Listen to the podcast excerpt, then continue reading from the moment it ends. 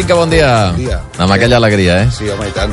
Ara estava pensant que si, allò que diguem sempre, que és l'horari d'entrar a la dutxa, Sí. um, potser ara que la gent està de vacances subverteix aquest, aquest horari.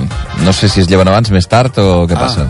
Vols dir? Jo no estic segur. O sigui, si. Vols ara fem... que... Jo tinc una teoria. No, home, ja. preguntem a la gent si, que ens estan escoltant si ara és l'hora d'entrar a la dutxa o no. Jo crec que l'estiu, com que fa més calor i costa a vegades, aquestes últimes hores de son eh, eh, fa aquesta calor que fa que potser llevis més d'hora. Lleves abans. Canvi, a l'hivern, quedar-te sota del, de l'adredor o d'aquell nòrdic gruixut o... Mm. Més Ara, ara. Per alguns. I tant. Perquè, és clar, tu això fa anys que no el tastes. No, de cap de setmana? Del què? El què? Jo per culpa teva els diumenges Exacte, tampoc. exacte. La mare que et va. L'últim dia, el dia dels retrets, ara ho farem, això. No, no, no, però ho penso sovint, ja t'ho dic, de manera oberta. O sigui, perquè, és clar, la gent no ho sap, però eh, crec que... El fet que estiguis aquí vol dir que no estàs a casa. Clar, o sigui, que això és una... I ara som a les 11, però Sí, sí. tu m'havies arribat a fer venir, és igual. Escolta'm una cosa. Va, qui és l'honorable d'avui? Oh, és que avui ens ho passarem molt bé, perquè... És que l'altre dia va passar una cosa. Què? No sé si ho puc... Bueno, sí. Sí, explica'm. Vam fer el Grífols, Mm -hmm. val? Sí. I que era El un fundador de Grífols. el fundador de El Grífols. El, l'avi sí. Grífols, diguem I aleshores l'any demà em van trucar. Qui? Grífols. Qui? sí? sí? Però era per queixar-se o era jo, per... Clar, jo quan hi ha una trucada d'aquestes dius... Bueno, Truco de Grífols. ojo, Dius, ai. Què passa? Em va trucar una noia que es diu Teresa Rioner, Uh -huh. val?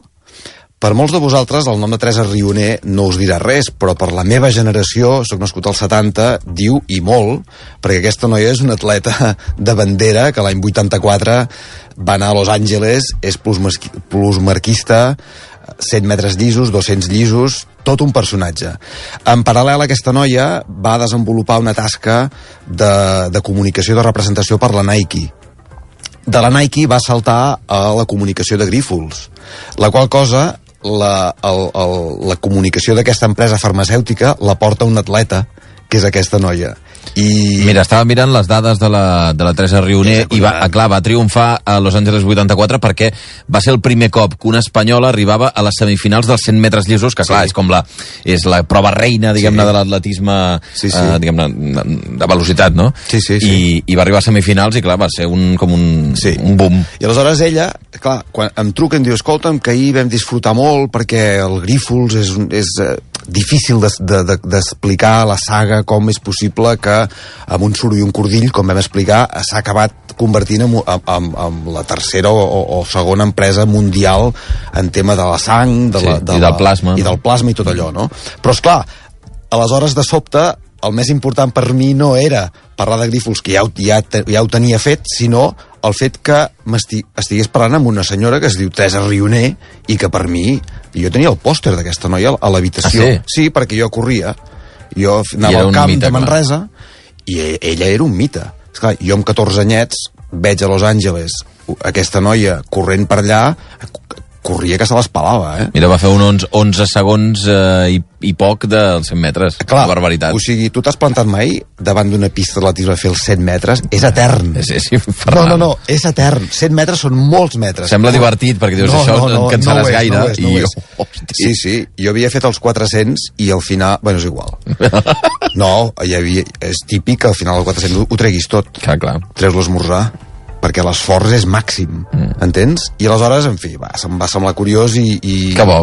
vam reconstruir tota una història de l'atletisme català que arrel d'aquest personatge que ho culmina i és la pionera eh, els mitjans per primera vegada, per primera vegada gairebé, comencen a parlar d'una dona amb les possibilitats atlètiques que tenia ella, mm. eh, fi, imagina't, espanyola, no? I, i, i catalana que, que, que, que aconseguia tot això. Aquesta, sí. sí. veus aquesta foto, aquesta cara tan típica de la Rioner. Sí, sí, ara va estava convertir- buscant les fotos sí, de la Teresa Rioner, sí. per primera vegada l'entrevistaven amb ella perquè parlava molt bé. La seva expressió oral és molt bona i aleshores feia de bona entrevista. Clar, Entens? clar. Clar, tot això va junt. Va passar un fet similar amb la Judit Mascó. La Judit Mascó, com que és una noia que té una molt bona formació, mm. s'expressa molt bé i aleshores eh, Una gran entrevistada. és, clar, fa de bona entrevistar. Entens? Cosa que... Tot això lliga amb el personatge d'avui. A veure, tu diràs. Tot això em va fer pensar que havia d'avançar.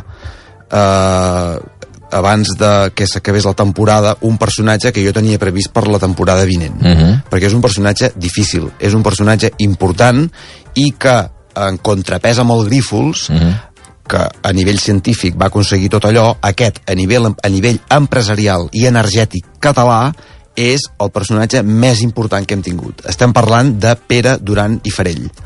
Pere Duran i Farell és l'enginyer del gas natural. Aquest senyor va portar, eh, va portar el gas natural a Catalunya i per deformació a Espanya gràcies a les seves dots comunicatives, fixa-t'hi, eh?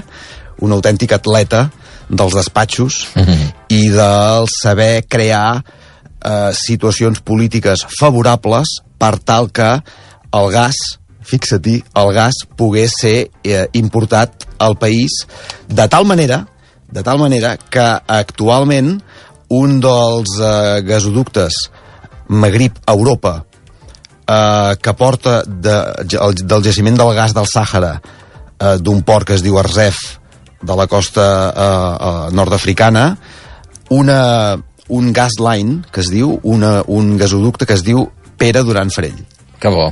batejat amb el nom Un de l'home que va aconseguir connectar el nord d'Àfrica amb Europa a través d'un gasoducte que en ple franquisme eh, va passar la mà per la cara a tot un estat franquista que havia apostat pel votar. Votano! Sí, sí, allò? sí, tic, sí. tic, tic, tic. Sí, jo encara sí. sento a vegades el Oh, tic, tant. tic, tic, tic, tic. Jo fa, mira, fa 4 o 5 anys jo tenia, i conec molta gent que té Butano a casa i el so és absolutament perquè jo, home, jo m'havia trobat que pensaves avui no em podré dutxar perquè se m'ha acabat el Butano Que va, i, i senties el, Sí. el, des del balcó el cling, cling, cling, cling, cling i pensaves m'ha salvat, m'ha Sí, sí, salvat sí, sí. passi per aquí, que l'abraçaré la irrupció del gas natural eh, al país va suposar un factor de modernització de la indústria catalana enorme, molt més important del que ara mateix ens puguem imaginar, eh, perquè, en efecte, l'any 69 arriba el primer carregament d'aquesta energia a la, amb una planta de, resa, de regasificació de Barcelona que recollia aquest gas que transportava un buc enorme i el tornava a reconvertir per, per distribuir-lo per tot el territori. l'any 69. L'any 69. Sembla molt, molt a prop en el temps em pensava que tenia, hi ha més trajectòria clar, clar. Ho és, ho és, però és que vivíem És nou, sota això. un estat franquista que feia que eh, que feia que l'electricitat a vegades es tallés i aleshores hi havia un seguit d'industrials com aquest que va dir, oi, això no pot ser prou ja prou, què, quina alternativa podríem tenir? I aleshores, eh, l'interès per la possibilitat d'utilitzar gas natural, això era una, era una nova energia per eh, fàbriques catalanes que feia temps que es pensava. Llavors, als anys 40 i 50, Duran Farell hi ha altres enginyers empresaris eh, catalans que, són, que també els farem. Un és el Victorià Muñoz i l'altre eh, l'Esteve Terrades, que també pensaven en aquestes possibilitats i estaven farts de les restriccions en el subministrament elèctric perquè, esclar, suposaven un, un, un entrebanc molt seriós. L'objectiu d'en Duran i Farell ja des de que està en el, en el servei d'estudi, ara t'explicaré com hi arriba, del Banc Urquijo, sí, eh, on havia entrat a treballar, va ser crear una empresa per aprofitar els salts d'aigua dels Pirineus, la hidroelèctrica de Catalunya. O sigui, va començar des de baix. No arribes al gas, a la idea del gas de, directament, sinó que mica en mica aquest personatge es converteix en algú eh, pel qual la construcció d'aquest gasoducte que s'acabarà produint Àfrica eh, Europa es converteix en una autèntica obsessió per un personatge eh, que eh, acaba sent potser l'empresari més important que ha tingut el país a nivell també món, com dèiem l'altre dia amb Grífols, eh, amb tema de sang, doncs ell a nivell mundial. Primera, perquè té aquesta, aquesta pipa, aquesta, aquest gasoducte eh, que porta el seu nom, inqüestionablement, i segona, perquè explicava de manera molt divertida perquè que quan havia començat eh, a, a gestionar amb Algèria uh -huh. tota la possibilitat de poder importar aquest gas natural, la primera reunió que havia concertat amb un pianoir que era un francès nascut a Algèria, eh? els francesos nascuts a Algèria, en plena independència d'Algèria l'any 62, El conflicte, diguem. se l'havien trobat degullat. hòstia, la primera reunió La primera reunió. Bo. O sigui, què ha passat? Que no, ve? no l'han matat. Uh, això et dona idea del nivell de dificultat màxima que aquest empresari es va trobar per poder anar enderrocant obstacles i arribar a la situació final en què es va poder produir, fixa-t'hi, eh, bueno, aquesta connexió energètica tan, tan, tan important que va provocar un canvi a les indústries del país tremend. Per arribar fins aquí, de totes formes, si has de negociar eh, amb Algeri, etc, has de tenir una mena d'amor gairebé Sí. a l'Àfrica o al desert o el, no sé, la, el, els... El... Aquest senyor es va convertir en un autèntic pensador del desert, en un home que va entendre, i aquí anem al punt culminant del personatge, que com a empresari no li servia la figura de l'executiu agressiu, sinó oi que vols eh, utilitzar l'energia del desert mm -hmm. per poder portar aquest gas cap a, cap a la península ibèrica? Doncs jo m'he de fer amic dels, eh, dels, de la gent que viu al desert. M'he de fer amic dels algerians. Els he d'entendre. M'he de fer amic dels rebels Clar. d'aquests que han matat aquest, aquest interlocutor. Què està passant aquí? Comprendre bé quin és eh, el, el joc d'aliances que s'han de produir perquè les coses es puguin, es, es puguin fer, en Duran i Farell, que era un home realment molt especial, nascut a Caldes de Montbui, que ja de molt jove havia anat a viure a Sabadell per estudiar, la qual cosa li provoca un gran canvi mental en el fet de el nombre de persones del lloc on vius i el que necessiten aquestes persones eh, es convertirà en el gran responsable de la introducció a Espanya del- de- d'aquest gas. No? Es converteix en enginyer de camins, canals i ports, un dels primers aquesta carrera tan difícil, un dels primers que aconsegueix el títol, eh, treballa al servei d'estudis del Banco Urquijo, els serveis d'estudis en aquells moments eh, també ho han sigut posteriorment, eh? són un niu de pensament de gent que vol fer coses i mira la manera d'aprofitar la força econòmica d'un banc positivament per eh, aportar a la societat fets que la millorin i el 1946 eh, juntament amb, els, amb l'Urquijo l'Hispanoamericano, que és una altra història, catalana de gas i, la, i electricitat, constitueixen aquesta hidroelèctrica de Catalunya que t'he dit, a on ell ingressa ja com a enginyer. Abans ha sigut torner, ha fet diverses feines, allò típic de... No? Què, què ha fet aquest senyor? De tot. Ha sigut practicant, fins i tot ha, ha estat al clínic eh, posant injeccions, és un home eclèctic, és una persona que es busca, que és molt humà, però que a la vegada és un empresari amb unes idees absolutament brillants que depassen el que, el que aleshores bellugava per aquí. No? Però entenc que el que està obsessionat és amb el tema de- l'energia. El És tall dir, de l'energia el- elèctrica. M'ha tornat a caure la- l'electricitat. Prou ja d'aquesta broma. Jo recordo de petit, encara, imagina, als anys 70, a casa mm. meva iaia, ja han tornat a tallar la llum. Mm. Clar, quan, quan perds la llum, això avui dia gairebé no passa. Sí. Però quan et tallen la llum, No, és el pitjor que et pot passar. El pitjor que pot passar. Però això a casa, però clar, si ell tenia pensament d'empresari, mm. un tall de llum en una empresa mm. és mortal. Val, llavors aquí diuen s'ha acabat. Mm. Això està, aquest és un punt biogràfic important perquè el president de Catalana de Gas, que era Joan Bertran i Mata, un altre honorable collonant, l'any 61 nomena Pere Duran Farell conseller delegat de la companyia i li encarrega reconvertir-la, cosa que ja havia fet amb l'hidroelèctrica.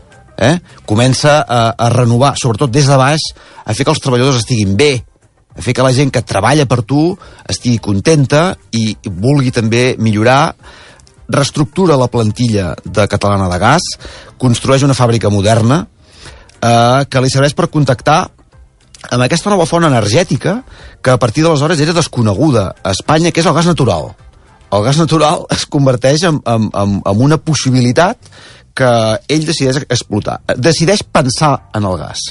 I pensa de manera molt ferma eh, perquè fins aleshores aquest gas es fabrica a partir de fusta, draps vells i pinyols d'oliva. Què dius ara? O sigui, fent combustió... és una... Sí, sí.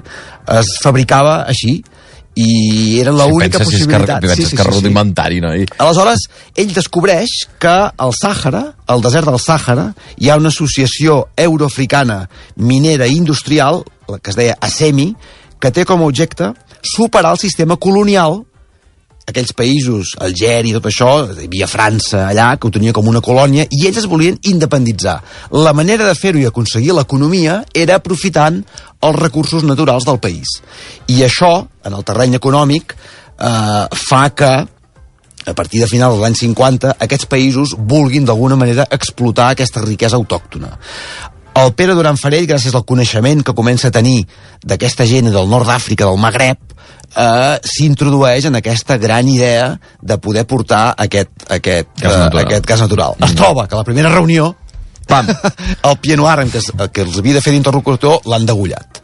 I aquí... Que no arriba. Que no, que no, no l'han matat. Hòstia, Bé, que- aleshores, impacte, uh, de moment, aquesta independència algeriana fa que talli la possibilitat de Mm. poder portar aquest gas natural des d'Algèria i aleshores el Duran, el Duran Farell es fixa en el gas de Líbia. Es fixa en el gas de Líbia perquè el president de Gaulle, que dominava Algèria, fixa't bé en aquesta jugada, això és uh, geopolítica importantíssim, fa una hora el Joan Caral, Mhm. jo m'estava dutxant, eh, deia, la, parlava de la importància de la, del desconcert Mhm. polític Mhm. del moment.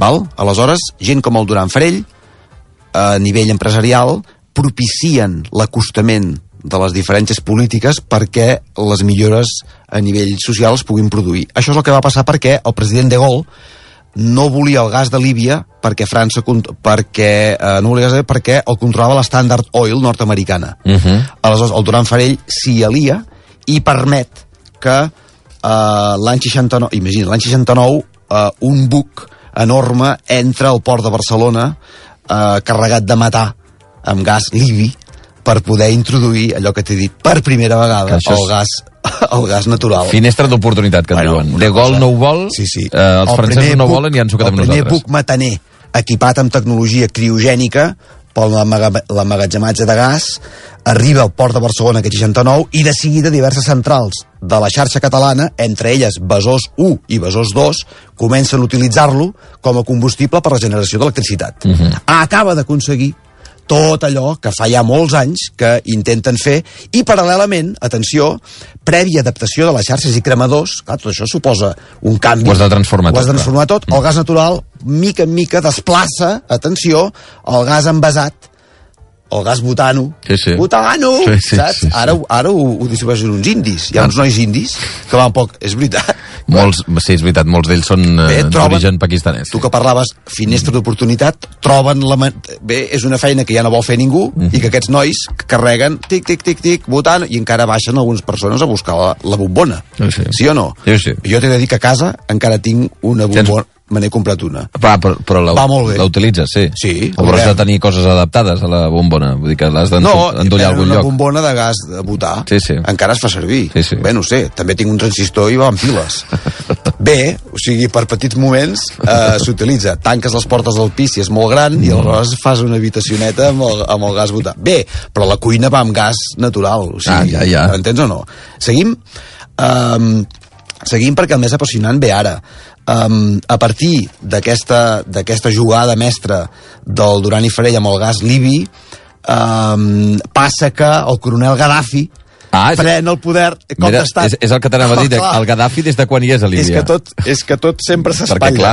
O sigui, a l'any següent, moment a l'any següent d'aconseguir eh, actuar eh, el, amb el tema libanès, cop d'estat del el coronel Gaddafi, te'n recordes? Era aquell que s'espantava les mosques. Sí, home, sí. i anava espantant les mosques. Un dictador d'aquests típics Mira, d'allà. no, no, precisament va ser el 69. Clar, o sigui, ells Ah, compren a Líbia i llavors hi ha el cop d'estat, sí, diguem-ne. Sí, tot li, va, tot li va passant, saps? O sigui, bé, són països molt inestables, um, uh, amb, amb una oposició brutal també, de, o sigui, aquesta gent el que tenia ganes és de vendre el seu, Mhm. el seu, els seus productes Sí, sí. eh, de gas autòctons i, i no fer-ho a les grans indústries que els dominaven, en aquest cas els americans. Aquell odi del Gaddafi pels americans venia d'aquí perquè els americans s'aprofiten. L'Standard Oil marxava amb uns barcos enormes carregats de tota la riquesa de, de Líbia.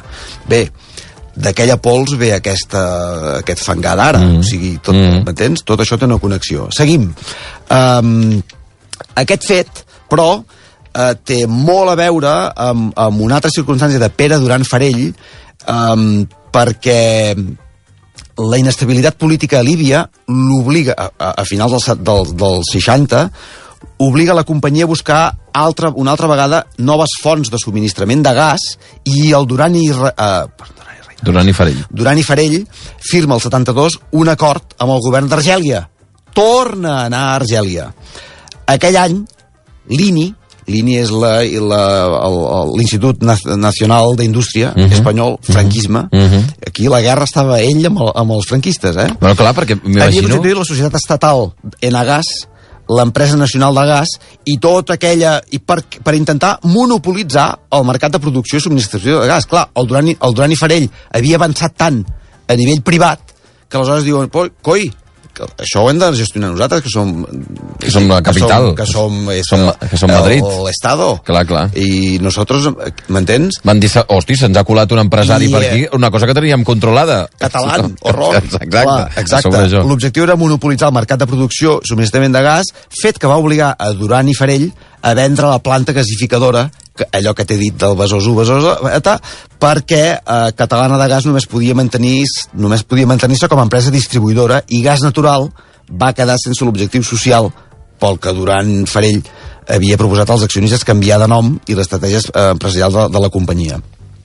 Tot això t'ho explico perquè en paral·lel el gran enfrontament de Duran i Farell, que era un home amb una, amb una capacitat de, de, de visió política molt important, eh, Duran Farell es va convertir en eh, l'home que acostava divisions polítiques. Es va convertir en un gran amic del Felipe González, també del Jordi Pujol, els convida a casa seva premiada dalt, una casa plena de coses al desert, d'arqueologia, de, de, de bonsais, un gran amant dels bonsais, i a on ell feia tota la reflexió quan tornava dels seus viatges pel desert d'Algèria. Hi ha un llibre molt important que es diu Pere Duran Farell, escrit pel Joaquim Maluquer, d'una sèrie de llibres de l'editorial eh, Pro Adèria Editors, eh, que es diu Què pensa?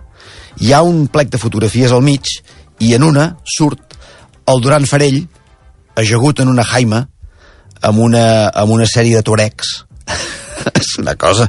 Aquesta fotografia t'ho explica tot. Menjant cuscús amb els tuaregs al desert del sud d'Algèria l'any 88. S'ha fet amic dels tuaregs, s'ha fet amic dels cactus del desert, s'ha fet amic eh, de, de la guineu del desert, té una guineu, té que, un fanec que es diu a casa, Premià de Dalt, té, té el desert a casa, té el desert ficat al cap, té la necessitat, té la cultura humana, humanística, per agafar de les dificultats el benefici propi i poder fer que les situacions s'acostin. Tant és així que fa que el pacte eh, Felipe González Jordi Pujol s'anomeni el pacte dels bonsais perquè justament to, eh, arriben una sèrie de... de, de, de s'aproximen políticament a casa seva a Premià de Dalt, cosa que torna a repetir a l'any 96 quan aconsegueix reunir el José María Aznar amb el Jordi Pujol. Mm -hmm. Un altre pacte de los bonsais. De la mateixa manera que s'havia reunit um, i era amic personal del De Gaulle i també de l'Abdelaziz Bouteflika, el president algerià. O sigui, no importa el color polític, sinó l'objectiu final d'aquest home que mira d'acostar aquestes posicions. Um, en paral·lel a aquest amor pel silenci del desert, que descobreix Argèlia, eh, es va produir aquesta negociació de la introducció del gas natural a Espanya mm. eh, a través del desert del Sàhara. Mm. O sigui, imagina't tu... Quin... No, no, és una història tenyida és de desert i de... És un tros de personatge de molt, molt important. A més a més, perdona, eh? No, no. Què m'anaves a dir? No, no, que no, hem d'acabar. Hem d'acabar. Val. A més a més, en paral·lel, la seva... ja fas aquella rialleta. No, no, Val. perdó, perdó. És que no te l'acabes, aquest personatge. En paral·lel, i amb això ja acabo, um, uh, uh, sota el franquisme, és el pioner, Duran i Farell, en establir negociacions empresarials amb comissions obreres, en ple auge franquisme. Això ho fa a través de l'empresa La Maquinista, de la qual ell també eh, eh, ocupa el, el, el, el Consell Mm. d'Administració. Um, tant és així que aconsegueix que el general Franco Sí. no tanqui la maquinista i que s'escolti els, eh, els sindicats de comissions obreres, cosa dificilíssima sota el franquisme. Un cop més per crear eh, la situació propícia perquè el cultiu de l'estabilitat política i econòmica pervisqui en un país on normalment com deia el Joan Caral, hi regna el desconcert. Les 11 i 34 minuts. Eh, Genís Cinca, moltíssimes gràcies per tota aquesta temporada. Ens retrobem al setembre. Sí? Bon estiu. Això vol dir que firmem... Uh, No, firmat, ja està firmat. Bon estiu. Val. que vagi molt bé. Molt bé, Adéu. fins estiu. Adéu.